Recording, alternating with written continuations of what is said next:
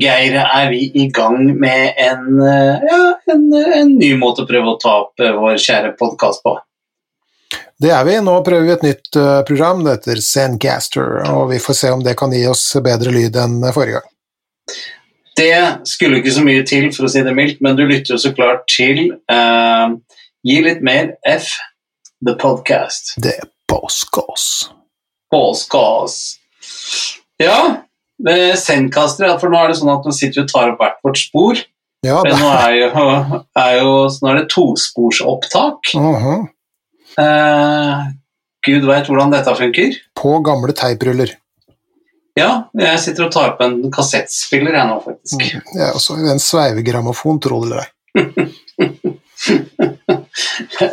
Nei, vi håper dette her, her eh, funker i hvert fall. Eh, forrige gang ble det jo veldig rart å sitte på telefonlyd med deg Ja, i en bil. I en iskald bil. Ja. Men gikk det greit? Klart, hadde du liksom følelse i beina sånn etterpå, eller? Måtte slepe meg inn igjen, det måtte jeg. Det måtte du. Ja.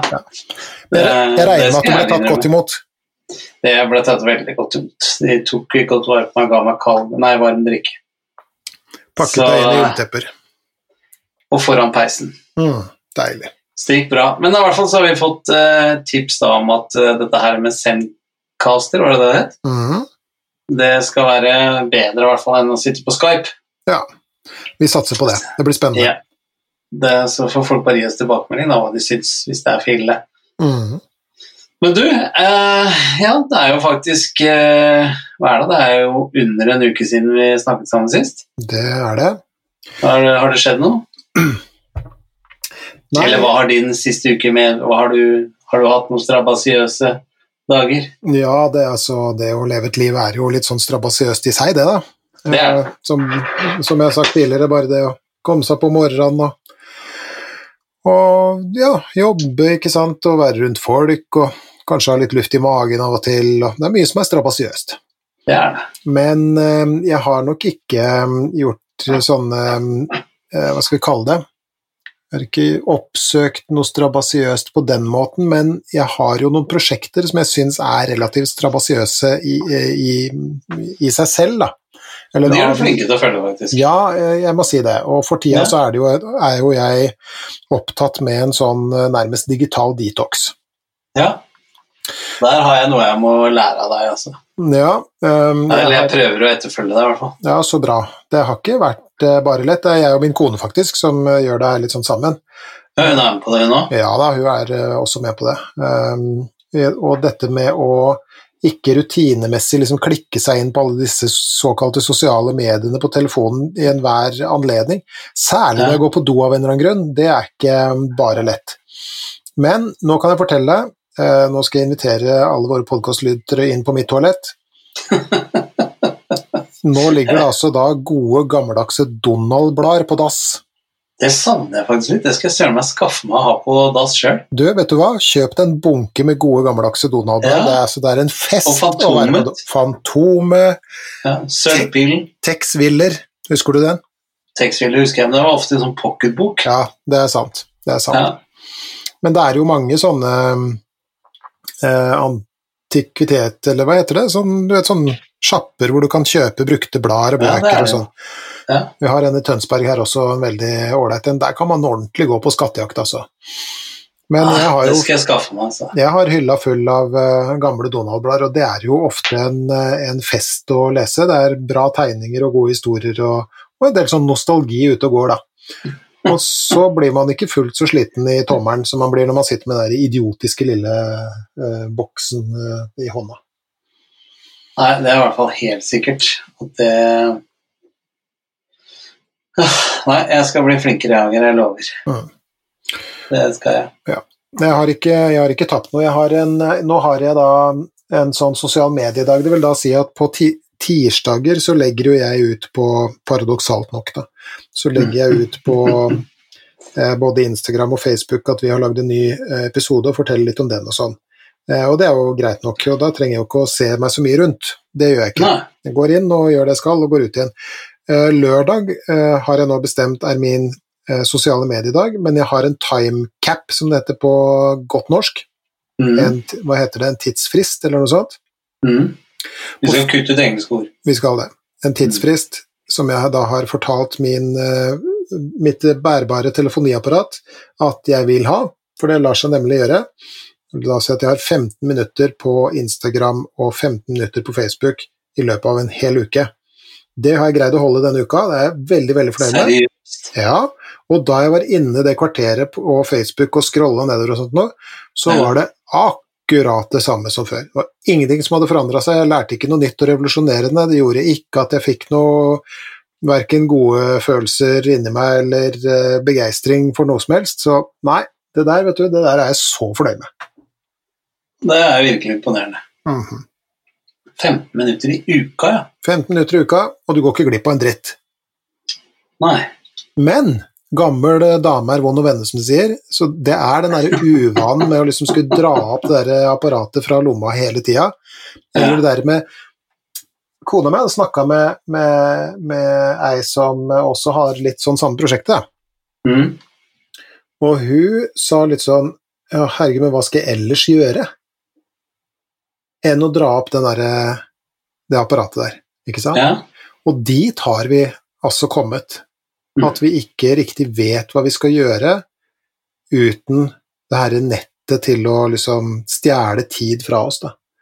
Og det syns jeg er jo ganske nifst, altså, for å si det rett ut. Men dere er jo heldige som begge to gjør dette her, da.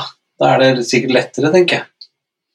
For hvis man lever i et forhold Skal ikke si at jeg gjør det, men uh, kan bare late som. Eh, og den ene er ekstremt opptatt av mobiltelefonen sin. Da er det ikke så lett for den andre å, å bare sitte der og snakke til uh, en som er på telefonen hele tida. Mens dere to er sammen om å finne på alternativer. Jo, jo. Men samtidig, jeg tror ikke at det hadde plaga meg så mye om jeg hadde hatt en partner som hadde sittet med mobilt, rent bortsett fra at jeg kanskje antagelig hadde blitt litt irritert, men, men jeg tror ikke at det hadde gjort noe forskjell for meg sånn eh, Hva heter det sånn eh, Hva heter det når du slutter med ting, og så får du sånn abstinenser? Jeg tror, gjort, ja, jeg tror ikke det hadde gjort noe for meg som abstinensmessig, fordi at det her har faktisk, og det er ikke tull engang, vært en berikelse for mitt liv å begynne å øve på å legge det her bort i større grad. Da. Nå skal jeg gjøre det seriøst fra i morgen av. Ja, det, det, ja, det må du gjøre hvis du vil, og det er ingen som du trenger Ja, men jeg vil jo. Ja, så bra. Ja, ok. Så drar du på et eller annet sted og kjøper deg noe gode Sølvpilen og fan, Ja, Fantonal, hadde jeg nær sagt. Eh, og jeg har jo, nå har jeg jo lest masse bøker, jeg hørt på masse podkast. Jeg var ute gikk eh, tur. Kona mi jobber jo av og til nattevakt og, og ligger og sover på dagtid, og, og, og her forleden jobba hus. da var jeg ute og gikk tur alene Mm. og hørte på podkast. Gikk en lang, lang tur og lærte altså så eh, mye, istedenfor da å sitte hjemme og, og, og bla på den der greia. Og så vil jeg også presisere at himmel og hav, har du noe glede av det, og det, og det, det eh, gleder deg mer enn det koster deg, så må du Mm. for guds skyld bare fortsette. Det her er ikke noe sånn moralpreken i det hele tatt, men jeg bare forteller at for meg så har det Mm. vært eh, viktig, og det har vært en god greie, da. Men det var jo det samme jeg oppdaga når jeg begynte bevisst å kutte ut og følge med på nyheter. Og det har jeg klart mer eller mindre nå siden 14. februar 2018. Mm. Og jeg, er jo, jeg blir jo mindre urolig og mindre stressa og mindre bekymra Mm. av ikke få disse oppdateringene på, på nett hele tiden. Det er vittig at du sier jeg har en, eh, en eh, veldig god kompis som, som Det er han som bor i Japan, vet du. Ja, ja. Og han har litt sånn samme, samme prosjekt. og så fikk jeg han i Japan? Ja, han har litt samme Ja. prosjektet. Enda han jobber litt sånn med media og sånt, noe sånn, sånn sett, så kan du jo si at han er litt, uh, litt forplikta, men han gjør sitt beste for å, å, å avgifte livet sitt litt sånn med tanke på medier og sånt noe, da. Ja.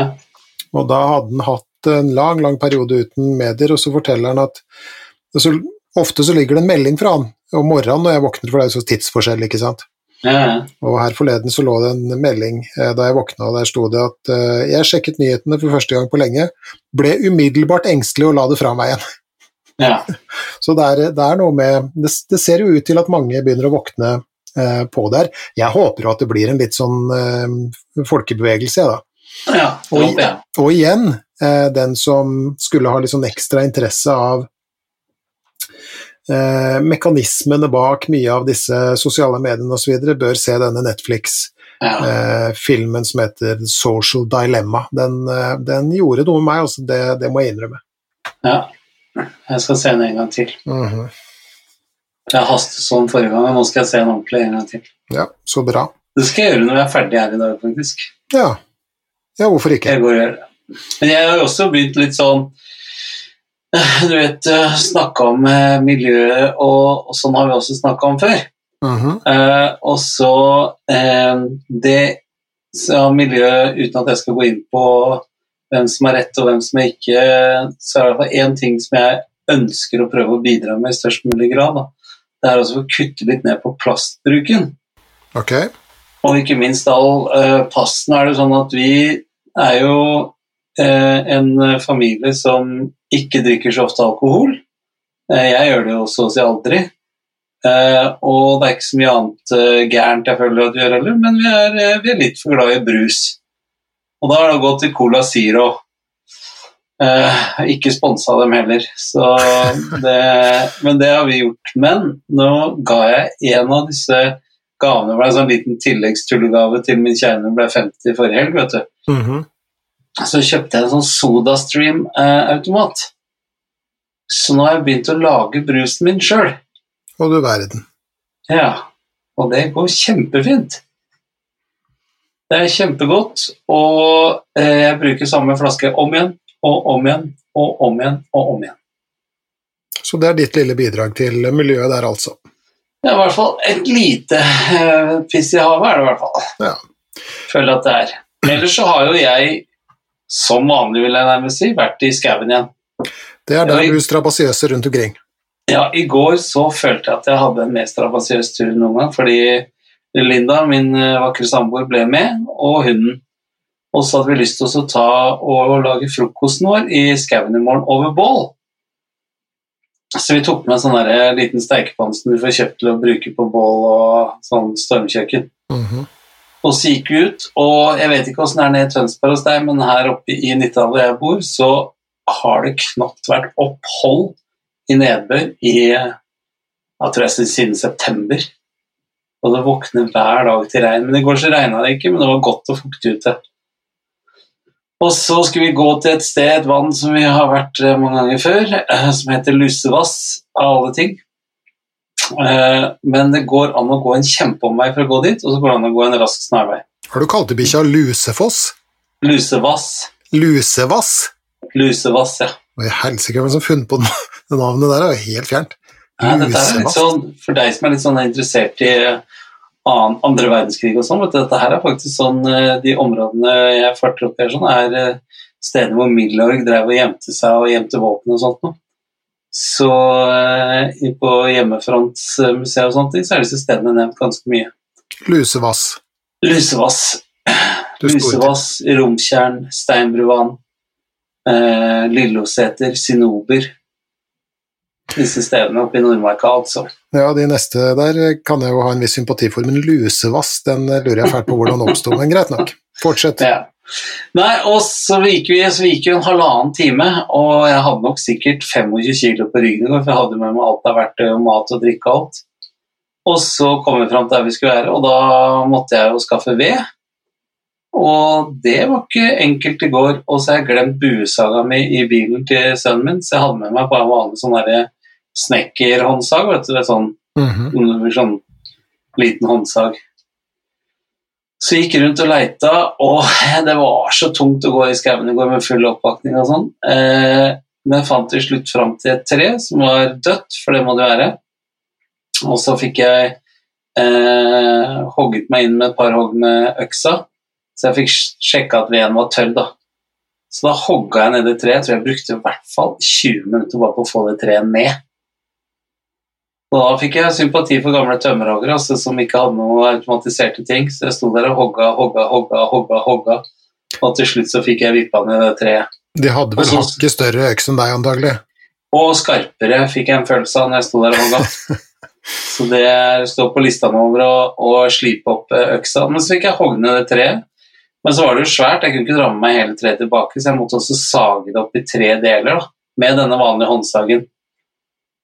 Og da fikk jeg, og det tror jeg kroppen min har veldig godt av, å kjenne på melkesyre, for det er ikke, det er ikke hver dag den gjør det. Mm.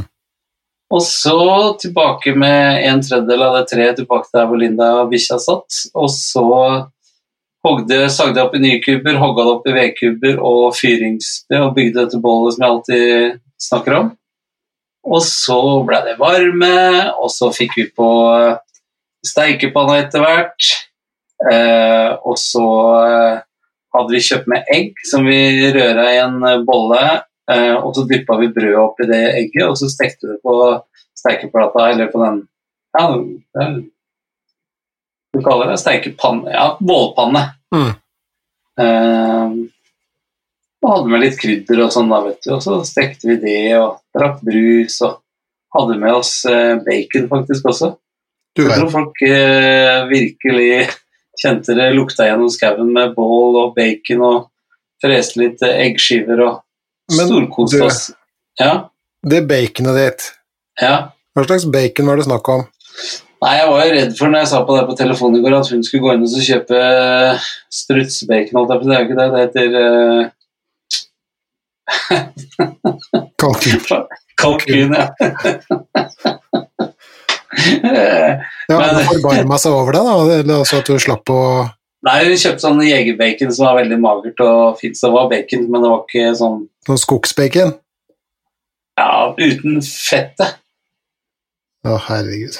Ja, ja. Nei, men det er bra, da slapp du i hvert fall strutsen, da. Strutsen slapp Det er bra. Ja. Men det endte i hvert fall med at vi også kom det opp en kompis etter hvert oppe i skauen, og så ble han sitt. Så vi var jo til sammen nesten fem timer i skogen og bygde og hogga og spiste. Og. Det var så deilig. Han kom tilbake, så var vi jo grisvåte og slitne alle tre, så bikkja lå jo rett ut på gulvet hele går. Mm. Og vi fikk tatt oss en varm, deilig dusj, og nei, det var, det var lørdagen sin, det. Og ikke en eneste Facebook-post. Ikke en eneste en. Du- Jeg tror hun tok et sånt Snap-bilde og sendte, Ja. ja, ja. men jeg gjorde det ikke, da. Vi får tilgi for det. Vi får tilgi for én Snap, men hun satt ikke med telefonen annet enn hun tok det bildet på alle de timene. Det er bra. Ja, så vi satt der og løste verdensproblemer og spiste og kosa oss og Nei, det var veldig stas. Bra. Bra. Ok. Så det var dagens eller ukens eh, strabasiøse. Ja, det blir veldig ofte skogen på meg, jeg hører det. Jeg må prøve å utvide horisonten min litt og prøve å finne andre strabasiøse ting. Ja, ja, ja. Men eh, alt til sin tid, som de sier. Men har vi fått noe mail, da? Du, vi har fått mail. Eh, har det? Det er eh, Det bringer oss nok inn på dagens eh, tema. Eh, vi har eh, Du, vet du, jeg må nødt til å si noe aller først. Ja, Vi har bytta logo. det har vi. Og den logoen syns jeg altså er så dundrende kul. Ja, veldig kult. Og eh, det, jeg fikk en, det var noen som, eh, som sa at den, den, det er et sånt schwung av fordums tider over den logoen. For det jo litt Ja. sånn gammel mikrofon, vet du, i gull. Ja, det er litt sånn gammel nærradio-logo nesten. Ja, nesten det. Eller så er det nesten litt sånn der eh, eh, 30-talls eh, ja. vet du. Ja, for det er jo sånn skjør 58, sånn gammel. Ja, ikke sant? Så, så jeg tenkte bare jeg skulle si det. Eh, Den kommer jo ut på podkastplattformene ganske snart. Jeg liker den veldig godt. Men det jeg tenkte å si i den forbindelse, da, er at denne logoen er lagd av en veldig, veldig flink dame som jobber hos tshirt.no t-shirt.no Ja, i Trondheim, som heter Ida. Og Ida fortjener en, eh, virkelig en, eh, et utrop, er det det vi kaller Ja. det på norsk, for, eh, for den jobben der. Eh, Vi er veldig fornøyde. Tusen, tusen takk, eh, Ida. Det der er eh, veldig bra, altså. et stort utrop. Et stort utrop til Ida på, hos t-shirt.no. Og for de som har lyst til å ha den kule logoen, så kan de jo begynne å kjøpe T-skjorter og sånn etter hvert. Du, de kan faktisk det. Vi har etablert en aldri så liten utstyrsshop, og hvis du Ja. går inn der og kjøper en T-skjorte eller en hettegenser eller et eller annet annet kult, så handlenett for eksempel, sikkert økologisk og alle sånne tinger. Eh, Hvor er det de skal gå hen, da? T-shirt.no. T-shirt.no. Der finner man uh, vår uh, lille sånn suvenirshop. Gi litt mer faen, det er boss gas! Med en del kule designgreier, blant annet den der gullmikrofonen til Ida. da. Så hvis man vil støtte denne podkasten og, og bidra til at den fortsetter, så må du gjerne inn og kjøpe julegaver der, da. Så det var det Ja, jeg ville si aller først. Men Veldig bra. Mail, ja. Fortell. e-post. Vi har fått eh, det er, det er særlig to stykker som har, eh, har gjort at jeg har begynt å tenke litt på det som da blir dagens eh, tema. Den mm. første e-posten handler om, eller kommer fra en kar Mm. eh, som skrev en lang og utførlig mail eh, og, som endte i et spørsmål, da.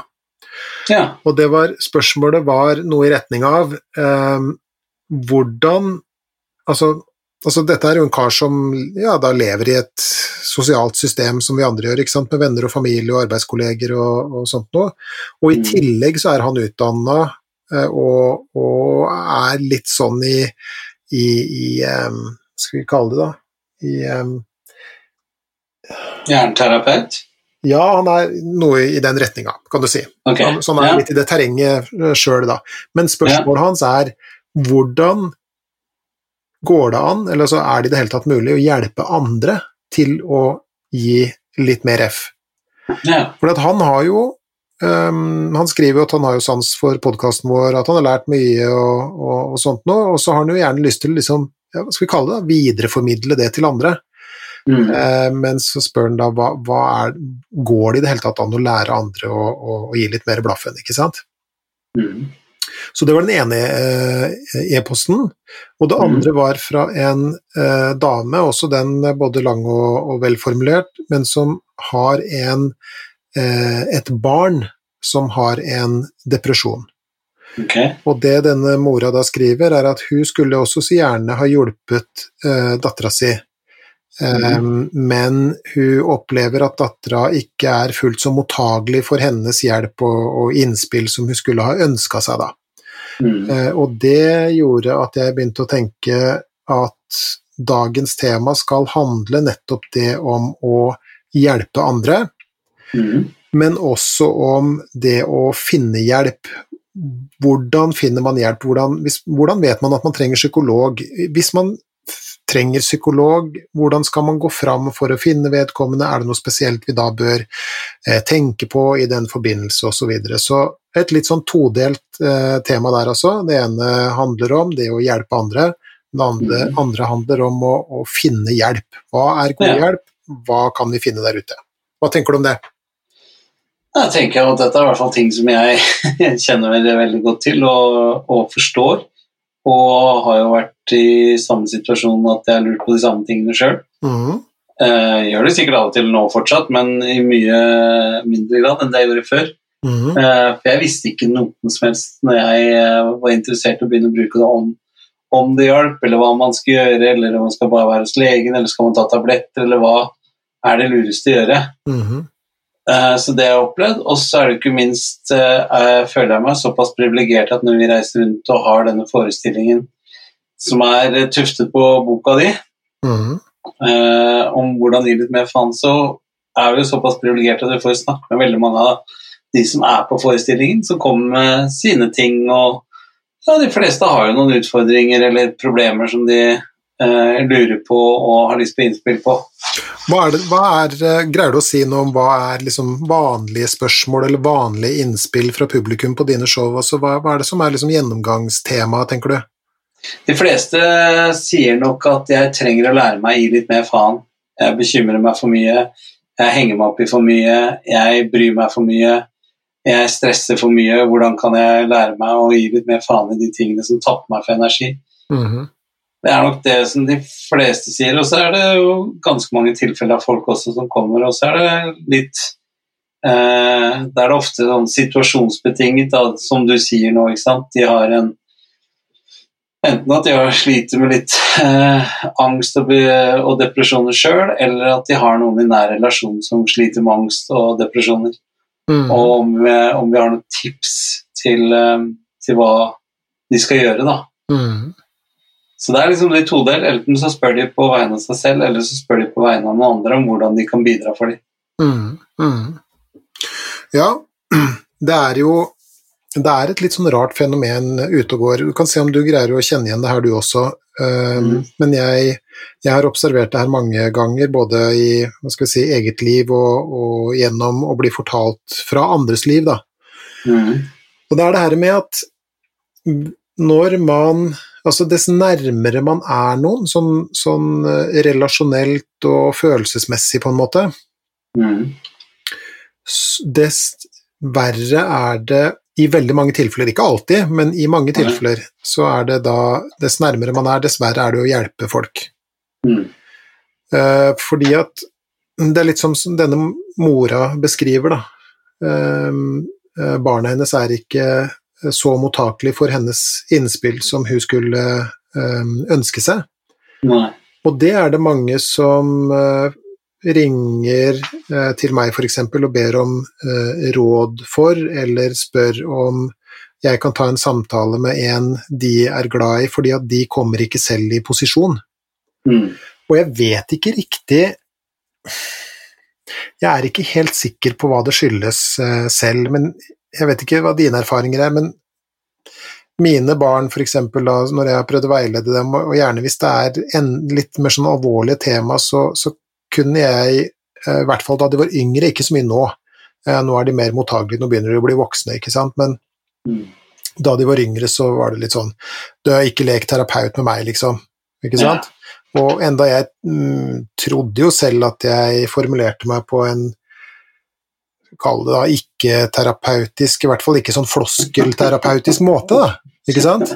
Prøvde å være litt sånn pappa og, og sånt noe, men, men nei, den måtte jeg dra lenger på landet med. Samtidig så kunne de få nøyaktig det samme rådet eller det samme innspillet fra andre, og da var det liksom Ja, da skulle man tro at sola skinte ut av rumpa på den som hadde gitt uh, rådet, ikke sant? Ja. Uh, og jeg vet ikke, har du noen tanker om det der? For jeg kan ikke riktig forstå Nei. hva det skulle skyldes. Nei, jeg tenker at uh, uh, Jeg har prøvd å tenke mye på det, for det er jo, har jeg jo jeg har jo barn sjøl også, så jeg har fått opplevd det samme. Men det jeg tipper altså, Det her er en tese fra meg. Mhm. er at mine barn ser på meg som pappa. Eh, og har et bilde oppi hodet om eh, hva en pappa skal være, hva en pappa skal si, og hvordan en pappa skal oppføre seg. Mm. Når jeg plutselig bringer på banen nye ting i deres verden, da, eh, om temaer som kan være så vanskelig, eller eh, temaer som kan være så nytt for dem, eller så ukjent, eller er skremmende, eh, så er det akkurat som at de vil ha et skille mellom at jeg er pappa, og at jeg er en rådgiver. Mhm. Og da er det mye vanskeligere for de å få råd fra pappa, som skal inneha alle de andre rollene, og så skal tre ut av den rollen for å, å komme på rådgiverrollen. Ja, det kan godt, eh, det kan godt tenkes. Og en, en annen ting som jeg også tenker på, er at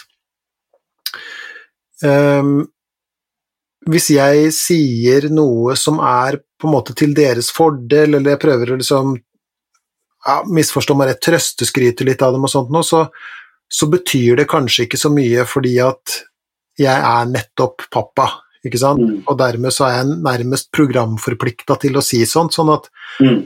jeg lurer av og til på om det da, i hvert fall da de var yngre da, eh, kunne oppleves som at det liksom da, da, Det var ikke like gyldig Nei. eh, som hvis det kom fra en person som var eh, lenger fra dem, da, på en måte. Mm. Eh, så det kan være noe der. Men du har jo eh, hjulpet eh, folk, vet jeg, som ikke er fullt så nærme, men venner og, og, og, bekjente og sånt, noe som kanskje har plagdes en periode i livet, og så har de kommet til, til deg for, for råd. Mm. Nå skal jeg stille et veldig stort og omfattende og komplisert spørsmål, det vet jeg, men jeg prøver likevel å stille det, og så får vi se hvor vi havner hen. Men Ja. I din erfaring, Mm. går det an å hjelpe andre til å gi mer faen?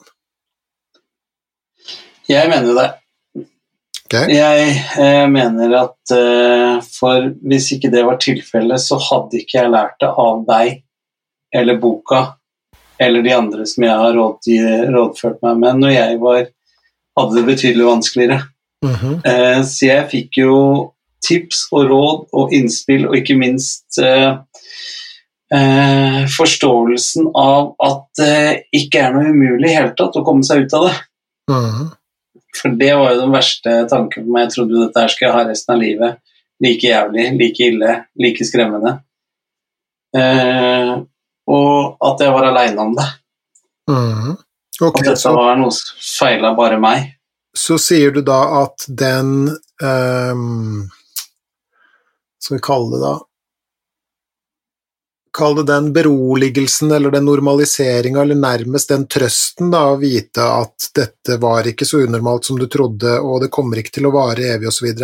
Tenker du Mm. at du har også da vært i stand til å gi den videre til folk som har kommet til deg for råd? Det er i hvert fall det jeg har fått tilbakemelding om, da. At, eh, at de sier det.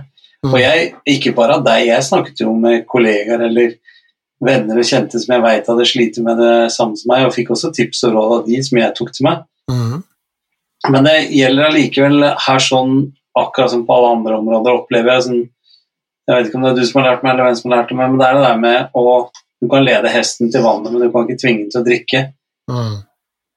Eh, og det jeg opplever når man ikke når fram hos sine egne barn, da, så har jeg i den seinere tid evaluert sånn at jeg ikke veldig mye, men bitte, bitte, bitte lite grann i hvert fall, eh, har klart å nå litt lenger fram ved å endre måten jeg kommuniserer på.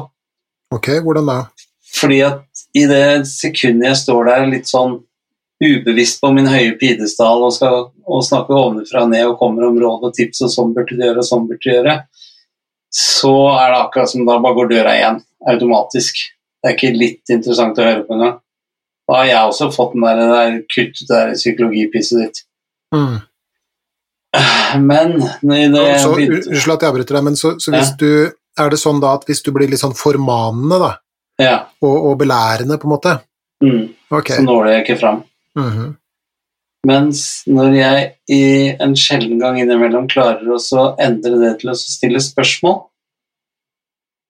eh, Og stiller spørsmålstegn ved de tingene Det er sånn Ja, jeg forstår veldig godt at du har det sånn, men tror du det kunne vært noe for deg eh, å prøve det og det, eller tror du ikke det er For det er jo ikke alle det hjelper. Det hjelper noen, og noen hjelper å gjøre sånn og sånn. Jeg vet ikke, Er det noe av det som kunne som du føler kunne passa på deg, eller, eller så må du forklare meg bedre hva er det du tenker når du sier sånn og sånn og gjør sånn og sånn. Mm. Og når jeg da er bitte litt flinkere til å stille meg undrende og spørrende istedenfor å komme noen Ja, men du, nå har jeg lest veldig mye bøker og vært på veldig mye kurs og jobber sammen med Geir, og det er sånn som dette her det henger sammen. Du Mm. skal gjøre sånn, da Det kan jeg bare glemme. Mm. Ja, det du beskriver nå, er jo, er jo jeg håper å si nesten sånn kjernen i absolutt all god, god veiledning og rådgivning, da. Ja. Det å, å være ydmyk og spørrende og undrende. Mm. Eh, og det syns jeg jo er en eh, veldig sånn god uh, egenskap, både som, som venn og ektefelle og, og far osv. For vi, vi har jo kanskje en tendens til, og det er mulig at jeg projiserer noe som det heter, men, men vi har jo kanskje en tendens til å, å, å bli litt sånn ivrige, og at vi skal få resultater fort, og at nå må du høre her, liksom. Mm. Eh, og, og alt vi oppnår, er at folk eh, bare trekker igjen luka over seg og, og, og stenger seg inne. Fordi Ja. det blir litt for voldsomt og det blir litt for belærende. Så det syns jeg var en god, eh, et godt eh, tips. Og så har jeg også vært sånn overfor uh, venner og sånn som nevnte, så har jeg også istedenfor å si ja, men hvis du gjør sånn og sånn, så blir det bra, vet du, og hvis du bare gjør sånn og sånn, så blir det bra, så jeg sånn Jeg vet ikke akkurat hva som er det beste for deg, men det jeg opplevde når jeg Og så kom jeg med eksempler på hvordan jeg hadde vært redd, eller hvordan jeg hadde hatt angst, eller hvordan jeg hadde vært bekymra, eller hadde depressive tanker, og, og gjerne la, fortalte noen situasjoner ut av det også og så fortelle dem hva jeg begynte å gjøre som hjalp meg. Mm. Så kanskje, det kunne, kanskje noe av det du kan bruke. Det har også fått uh, tilbakemelding på at det syns jeg er, eh, er, eh, er veldig fint. Ok, så da skal vi se, da har vi punkt én. det er uh, det å inkludere folk i menneskeheten igjen, på en måte, og, og, og trøste og berolige og normalisere. Mm. Ok, skal vi se, jeg skriver faktisk litt her, jeg. Ja. Så da om dette en bok, så skal ha royalties, altså. ja. ja, ja, ok. Eh, og tips nummer to, tenker du, er å være ydmyk, Mm. eh, undrende Undrende er veldig viktig. og spørrende. Mm. Litt sånn utforskende, da, tenker jeg. Mm. Mm, Ok, for det er jo som sagt en, en god, et godt veiledningsprinsipp, og da, da vil du også i mindre grad utløse sånn forsvarsreaksjoner hos, hos den du snakker med. Mm. Så det her er jo, det her er jo eh, fint, tenker jeg. Eh, så, men så er det jo et litt sånn sprang til Mm. det som denne herren eh, spør om i sin e-post. Går det an å, å liksom ta det videre og hjelpe andre til å senke standardene, og som han spør om, da, til å gi mer F? Mm. For der er det et litt sånn sprang igjen. Hva, hva, har du noen tanker om det? Ja, jeg føler jo at vi eh, vi, har, vi har i hvert fall fått veldig mye tilbakemelding på det på igjen denne tusende ganger nevnte forestillingen vår. Eh, der tar jo jeg opp på slutten tre punkter som jeg øver på hver dag og gir mer faen i. Det er ikke sikkert det er de tre punktene du trenger, eller det er ikke sikkert det er de tre, men det er for å illustrere hvordan jeg har funnet fram til noe som jeg ønsker å jobbe med og eh, gi litt mer faen i. Mhm. Og så beskriver jeg også måten eh, jeg har gjort det på, hvordan jeg øver meg på å gi, litt, gi litt mer faen. Mhm. Kan du si noe altså Det er jo ikke sikkert at alle har hørt alle episoder her, og det er ikke sikkert at alle har vært på showet ditt, men kan du si noe om hvilke punkter det er du fremhever som ting du øver på å gi mer blaffen i? Ja, Vi har jo allerede snakket om det før i dag, faktisk, men en av de tingene jeg øver på å bli enda flinkere på, det er jo å si faen i nyheter og sosiale medier. Mm. Så Det er det ene punktet. Det andre punktet som jeg øver meg på eh, nesten mest, det er å eh, gi litt mer faen i å sammenligne meg med andre. Mhm. Eh, En klok venn av meg som eh, heter Freddy, lærte meg ganske tidlig at du, du skal ikke sammenligne ditt eget indre med andres ytre. Mhm. For du har ikke peiling på hva som foregår bak pannelappen på de folkene du står og snakker med. Godt poeng. Så det å sammenligne meg med også, så kommer jeg altså til det på punktet Så når er det det å sammenligne meg med andre kan hjelpe meg til å få det bedre? Mm. For hvis jeg har det kjipt, hvis jeg sammenligner meg med de som tilsynelatende har det mye bedre enn meg, så vil det jo bare få meg til å føle meg enda kjipere. Altså det vil jo bare Å ja, de har det bra, men jeg har det ikke, ikke sant? Så det vil ikke hjelpe meg. Og sammenligner jeg meg med de som tilsynelatende har det verre enn meg, eller sliter mer enn meg, så mener jeg at du skal være bra skrudd opp i hodet hvis det får deg til å føle deg bedre. Mm. Så jeg kom til et punkt at eh, eh, jeg vet at vi er eh, sosiale dyr, og vi er flokkdyr og er avhengige av hele tiden måle oss i forhold til de andre. Men jeg kan øve meg på å ikke eh, sammenligne meg så mye som det jeg gjorde før. Mhm. Og det tredje punktet Hvordan, hvordan, lykte, hvordan lykkes du med det for tida? Jo. jo, bedre og bedre og bedre og bedre. Mhm. Så, men det krever jobb. Mhm. Det krever at jeg, jeg har fokus på det. Eh, og det er stadig remindere på at jeg faller tilbake, liksom. hos meg. ta meg tak i nakken og si ja, men Tommy, dette har du vært gjennom før, dette er skal gjøre sånn og sånn, så er det på'n igjen. Ja. Og det tredje punktet som jeg øver meg på å gi litt mer faen i, det er eh, fortiden. Mm. For jeg får ikke gjort jeg får ikke brukt den til noe som helst omtrent. Altså, det er svært lite eh, av de tingene som gir meg vonde følelser fra fortiden, som er til nytte for meg. Mm. Så Det er de tre punktene som jeg øver meg på å gi litt mer faen i. Da. Så hvis du da snakker med noen som har det fælt, da, eksempel, Mm. presenterer du da de tre punktene, du da? Ja, jeg, veldig ofte så når eh, så er folk er ganske sånn konkrete på hva de syns er jævlig, og hva de sliter med. Mm. Det er veldig ofte så er det en eller annen familierelasjon, eller så er det, er det jobbsituasjon. Veldig mye jobbsituasjon. Eh, så det er liksom de to tingene som går igjen. Eh, og da trekker jeg jo fram f.eks. dette her med sammenligning Eller det å sammenligne seg med andre. Mm. Eh, og når det gjelder familierelasjon og sånne ting, så har jeg kommet til en konklusjon for mange år siden at det er jo mange i min familie jeg skulle ønske var annerledes, eller kunne gjort mer sånn, eller kunne sagt mer sånn, eller kunne vært mer på ballen der, eller kunne vært eh, mer oppsøkende besteforeldre, eller hva det enn måtte være. Mm. Eh, men jeg fant jo ut eh, etter mange vonde eh, prøvelser at eh, uansett hva jeg gjør, om jeg så står på huet og ja, i vinkel, så vil jo ikke en annen person forandre seg fordi jeg vil det. Mm. Mens det jeg har kontroll over, er å forandre måten jeg responderer på de. Mm. Sånn at når folk eh, ikke er sånn som jeg skulle ønske at de skal være, så får jeg ikke gjort noe med det. Det kan jeg bare gi faen i. Men det jeg kan gjøre noe med, det er hvordan jeg skal respondere på at de er sånn. Mhm. Og da måtte jeg gå gjennom ganske mye hard selvransakelse og finne ut at mye av min respons på hvordan de var, var jo heller ikke bra. Hva, tenk, hvordan, hva tenker du på da? Nei, altså hvis det var noen som eh, Ikke sant eh, Vi er mistenksomme, eller vi er misunnelige, eller vi er sjalu, eller alle disse vonde tingene som vi er i, i respons til andre mennesker. Det har jo jeg kontroll over til syvende og sist sjøl også, Mm. hvorvidt jeg, hvordan jeg ønsker å respondere på de. Det er litt som den gamle floskelen, det er ikke hvordan du har det, men hvordan du tar det. Mm. mhm.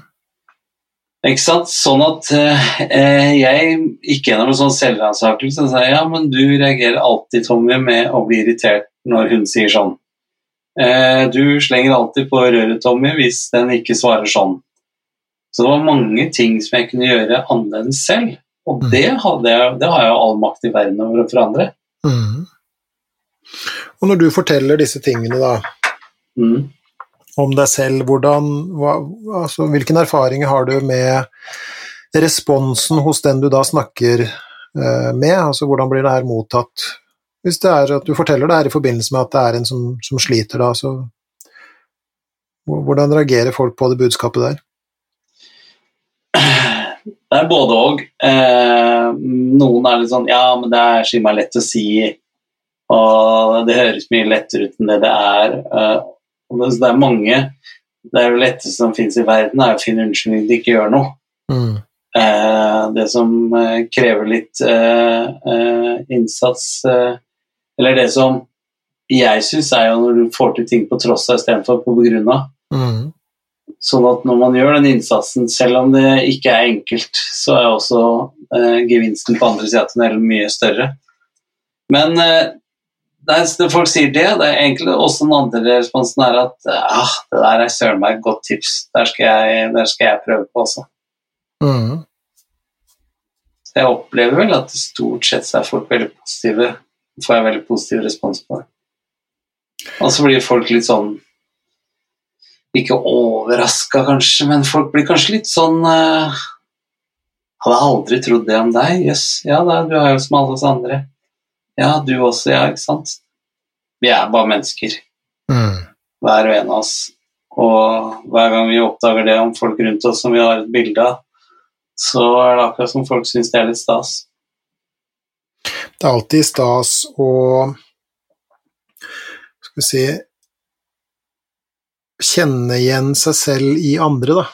Mm. Det var jo et sånt ordtak en gang Det skal visstnok vært en romersk eh, slave hvis navn unnslipper meg for øyeblikket, men, men det er han som skal ha sagt at uh, intet menneskelig er meg fremmed, og, og det når vi kan kjenne igjen oss selv i et annet menneske, så, så har det en ganske sånn eh, beroligende effekt på oss. Mm. Eh, Da er vi ikke fullt så alene, og vi er ikke fullt så unormale og, og, og rare lenger. Det viser seg at Nei, vi er det trenger vi ikke sant, å høre fordi at vi er flokkdyret som vi er. Ja, vi er, eh, vi er rare og, og misforstå meg rett unormale alle sammen. Mm. Det er veldig normalt å være unormal. Det er de unormale det er, eh, er flest av. Mm. Det, jeg møter jo også den derre Du forteller det der med at ja, men det er enkelt å si, og ja, men det er jo vanskelig å gjøre noe med det her. Mm. Det jeg ofte da sier til mine klienter, er at ja, det er vanskelig, men er det umulig? Og de færreste vil jo da eh, insistere på at dette er umulig, men at det er vanskelig å skulle endre noe ved seg selv og noe ved personligheten sin eller livet sitt eller ved prioriteringene sine, eksempel, det er jo ikke noe tvil om det. Det er ikke lett i det hele tatt. Men Nei. det er ikke umulig. Og det går Nei, gjennom eh, arbeid og gjennom fokus og gjennom å gjenta eh, den nye atferden igjen og igjen. Det er sånn vi lærer det inn, ikke sant? Mm. Det er eh, Det er ingen snarvei til det. Nei, absolutt ikke. Eh, heldigvis òg, tenker jeg. Mm. Eh, og så er det noe vi snakka om eh, eh, Fordi mye av de tingene her er, det er jo ubehagelig å gjøre ting på en ny måte. Mm. Det er ubehagelig å ta tak i ting som eh, plager en, og at det fordrer at man må gjøre en action. Mm. Stort sett så synes vi mennesker, sånn jeg opplever det, her er jo bare en, nok en tese fra meg, er jo at det å oppholde oss inne i komfortsonen vår, der hvor allting er det samme, hvor vi sier det samme, er sammen de samme, gjør det samme, det er veldig behagelig og enkelt. Og så er alt dette her med endringer og sånn som vi snakker om nå, da må du tre ut av komfortsonen din, og det er ubehagelig. Men jeg tør å påstå at det har aldri oppstått noe magi inni komfortsonen. Det er en påstand som jeg har sagt i mange år, både på scenen og privat. Mm. Du må, Det er ikke en oppfinnelse, det er ikke en, en revolusjon, det er ikke en genistrek i verden som har foregått inne i komfortsonen. Du må være villig til å gjøre en action for å få til en forandring. Mm. Jeg tenker uh, ingen vekst uten ubehag, tenker jeg. Nei? Eh, og det er litt som vår uh, gode venn uh, Nassim Taleb, som har skrevet denne boka om antiskjørhet, og som er en av hans absolutt grunnleggende poeng, er at du verken kan vokse eller utvikle styrke i, inne i komfortsonen. Det er som å skulle ha eh, det, Ja, det blir jo som å kjøpe seg et eh, medlemskap i en eller annen treningskjede, og så eh, dra ned på trening og sette seg i garderoben og ta selfies, og så drikke en eh, proteindrikk og dra hjem igjen. Det skjer liksom ingenting, ikke sant? Det er, det er i det absolutte ubehaget og svettinga og melkesyra og alle disse tingene at, eh, at du legger grunnlaget for veksta. Og sånn er det jo også med, med hva skal vi si, sjelen vår. Ja. Ikke sant? Vi har jo snakka om dette med, med resiliens, altså motstandskraft, og det å, å bygge eh, sjelelige, åndelige, mentale krefter, på en måte. Og også det skjer utenfor komfortsonen. Du må ut av, av din fars hus, nærmest, i, i overført betydning, for å møte verden og, og, og, og få en livskondisjon, da, Mm. tenker jeg. Men du, når, når folk eh, Du jobber jo, eh, som jeg har sagt mange ganger, med dette her til daglig. Så du er jo en, eh, en terapeut eller en behandler, eller hva er det dere bruker? Mm, ja, Du kan si terapeut, kan du ikke? terapeut kan vi godt si. Ja. Hva er det du syns er det beste med som det- med det? Hva gir det deg, liksom? Det aller beste for meg i denne jobben er jo Jeg syns jo at det er et Nå står jeg i fare for å bli veldig sånn uh, flosklete her, men, men jeg mener det, altså. Eh, det, Ja, jeg tror det. er et, eh, for meg så er det et privilegium å få slippe inn i livene til folk og i hodene til folk og bak fasaden til folk, da. I den Mhm. grad de slipper meg inn der, selvfølgelig. Det er, eh, det er litt sånn ære, æresfrykt Mm. å, og, få lov til å, å være med inn i kulissene, på en måte. Eh, det er én ting, og litt sånn jamfør den romerske slaven og dette med at intet menneskelig er meg fremmed osv., så, videre, så så det er ikke bare Det er ikke bare terapeuten som har fordel av et terapeutisk møte. Nei, unnskyld, pasienten eller klienten, da. Men, men terapeuten har det også. Ja. Det er en sånn gammel eh, vits der, vet du, sånn terapivits. Definisjonen av terapi er liksom et møte mellom to mennesker hvor den ene er mer plaget enn den andre. Som oftest er det pasienten, ikke sant. Det er liksom vitsen, da. Eh, og, og det å Altså, jeg vokser også på disse møtene. Jeg kan jo Det er støtt og stadig at jeg møter meg selv i døra, eh, at en, en klient kan si noe som jeg tenker jøss, det var lurt tenkt, og ja, sånn skal jeg også gjøre det, ikke sant. Og, så, så jeg får jo også mye Jeg sitter ikke der som en sånn eh, ekspert på en, på en høy hest. Altså, dette er et møte mellom, mellom to mennesker, da. Mm. Og så er det selvfølgelig Det ligger noe i det ligger noe i dette med min rolle også. En, en kar som jeg har veldig eh, sansen for, en gammel lege som heter eh, Åge Ingdal, som, som eh, har jobba veldig mye med muskel og skjelett og sånt. Og han sa en gang noe som jeg ble skrekkelig fornærma over. Jeg tror jeg har nevnt det her før, men det kan være verdt å gjenta. Han sa at eh, vi driver jo mye med sjamanisme, sa han. Eh, og, og så tenkte jeg snakk for deg selv. Men, men eh, ettersom årene har gått, så har jeg forstått at han har mye rett i det, fordi at mye av jobben er gjort når folk har bestemt seg for å komme inn på mitt kontor. Ikke Ja. sant? Da er, da er i hvert fall, jeg tenker at kanskje 60% i hvert fall av jobben er gjort da.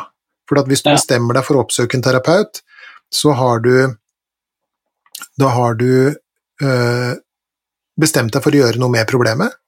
Mm. Så har du innrømt for deg selv at du har et problem i utgangspunktet, Mm. og så tror du faktisk også at noe kan gjøres med det problemet, hvis ikke så hadde du aldri tatt kontakt med en terapeut.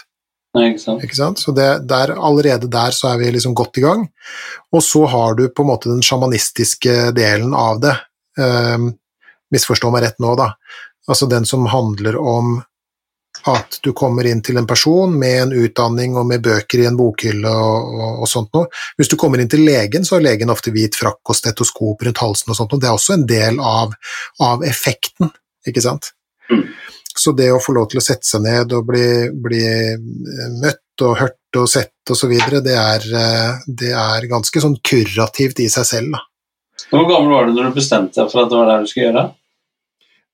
Eller var det som fikk deg til å tenke nei, jeg skal bli terapeut, jeg?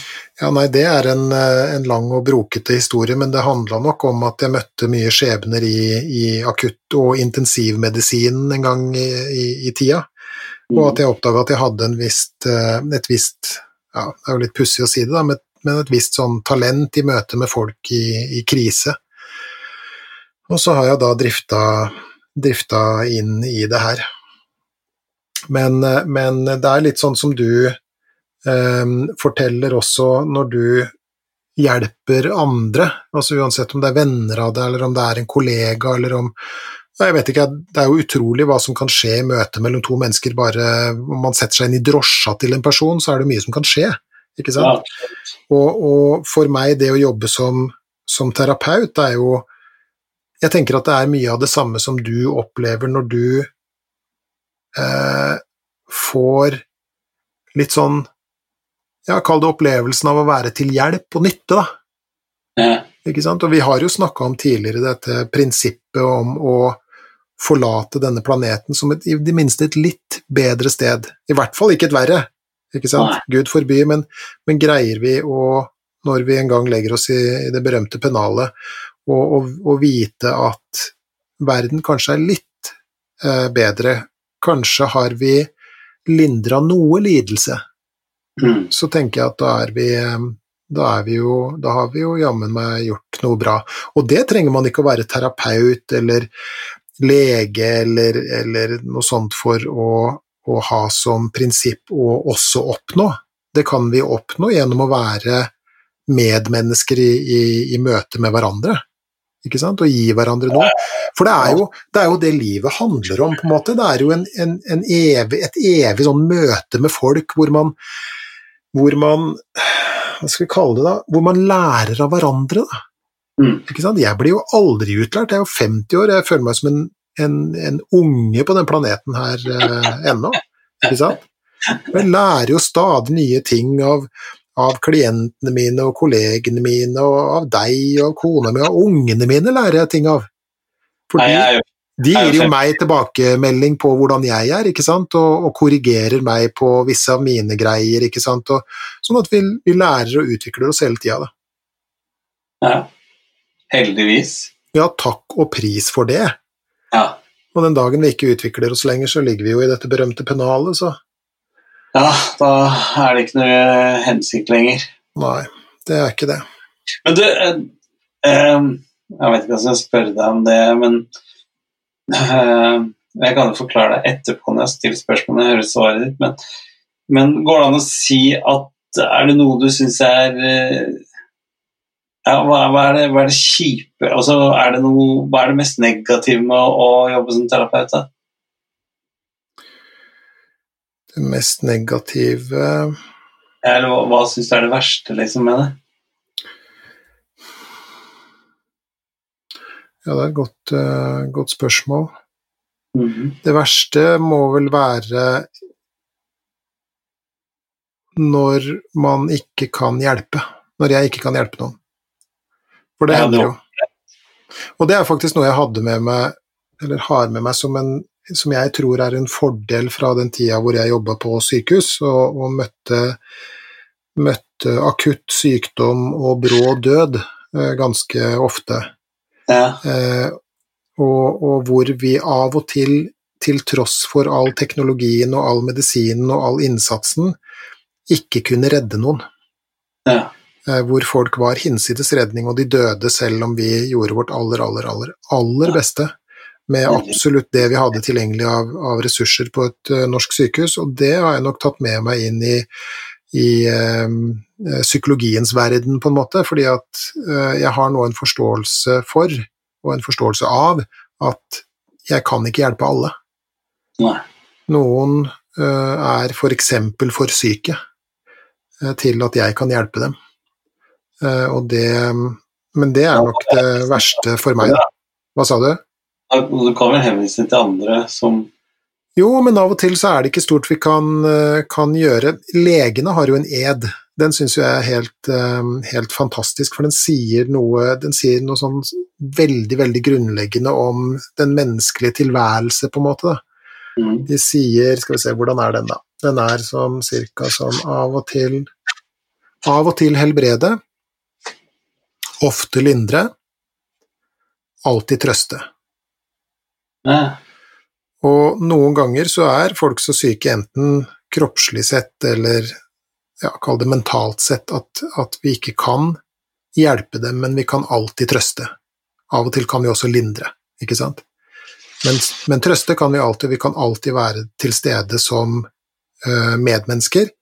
mm, Og jeg tenker jo også at det er det vi kan, sånn jf. spørsmålet til han som sendte den e-posten i, i, i utgangspunktet her, da. Mm, Hvordan hjelpe andre til å gi litt mer faen? Tja, det er jo ikke alltid like lett. Jeg syns jo du har gitt eh, veldig gode råd. Jeg skal repetere dem eh, på slutten her nå. Jeg har nemlig skrevet dem ned, det var ikke verst, eh, bare det. Men det er aller beste vi kan gjøre for andre, sånn, sånn som jeg ser det, hvis ikke vi helt sånn direkte kan hjelpe dem å gi litt mer eh, blaffen, Mhm. det er jo å være ja, igjen da litt sånn flosklete medreisende, ikke sant?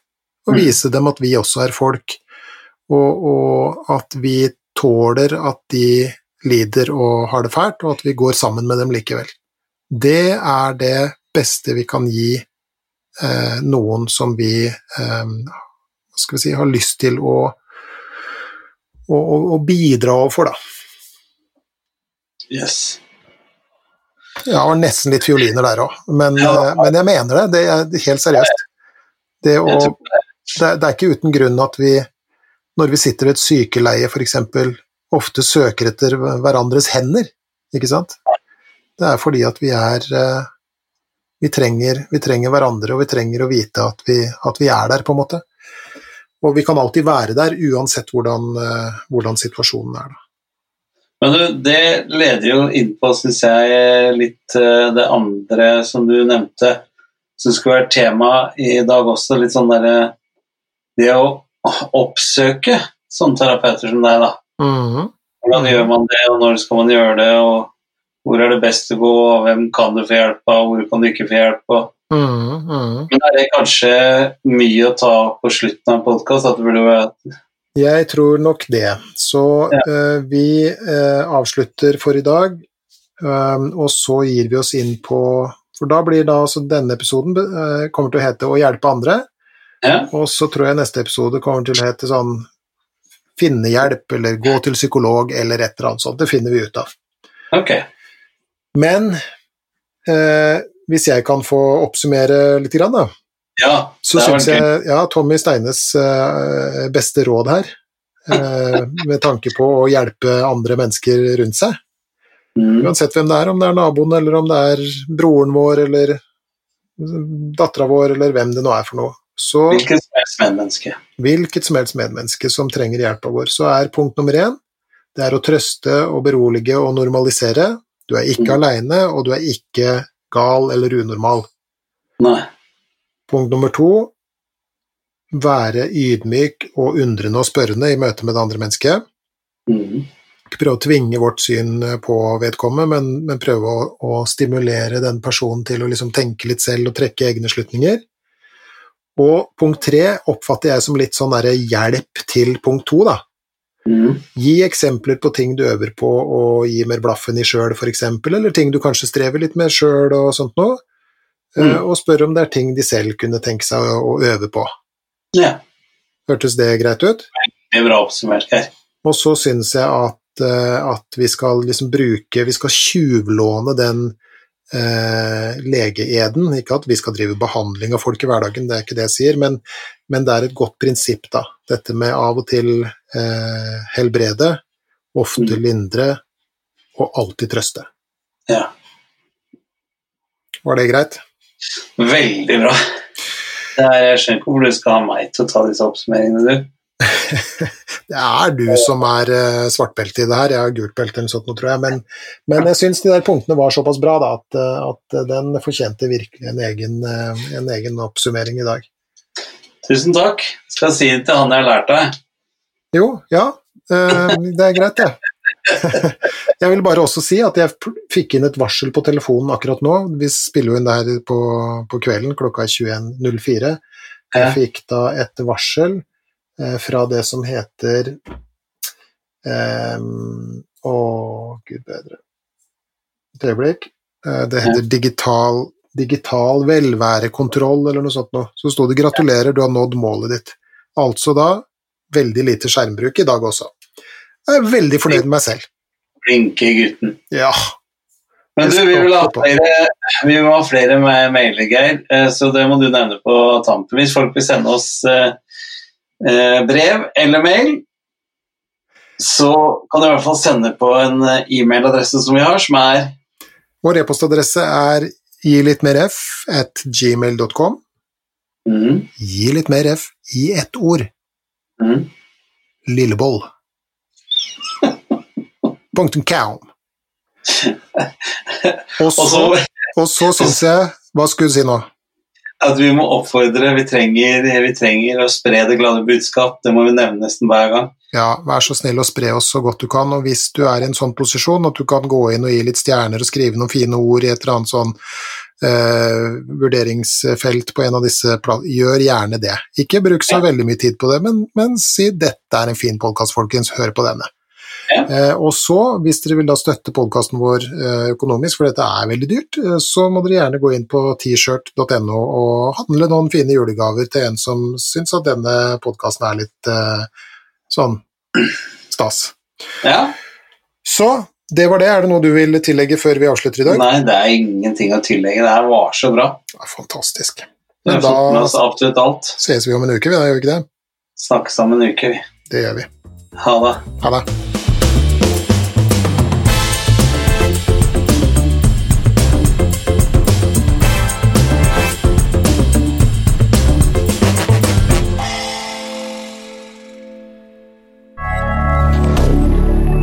Media.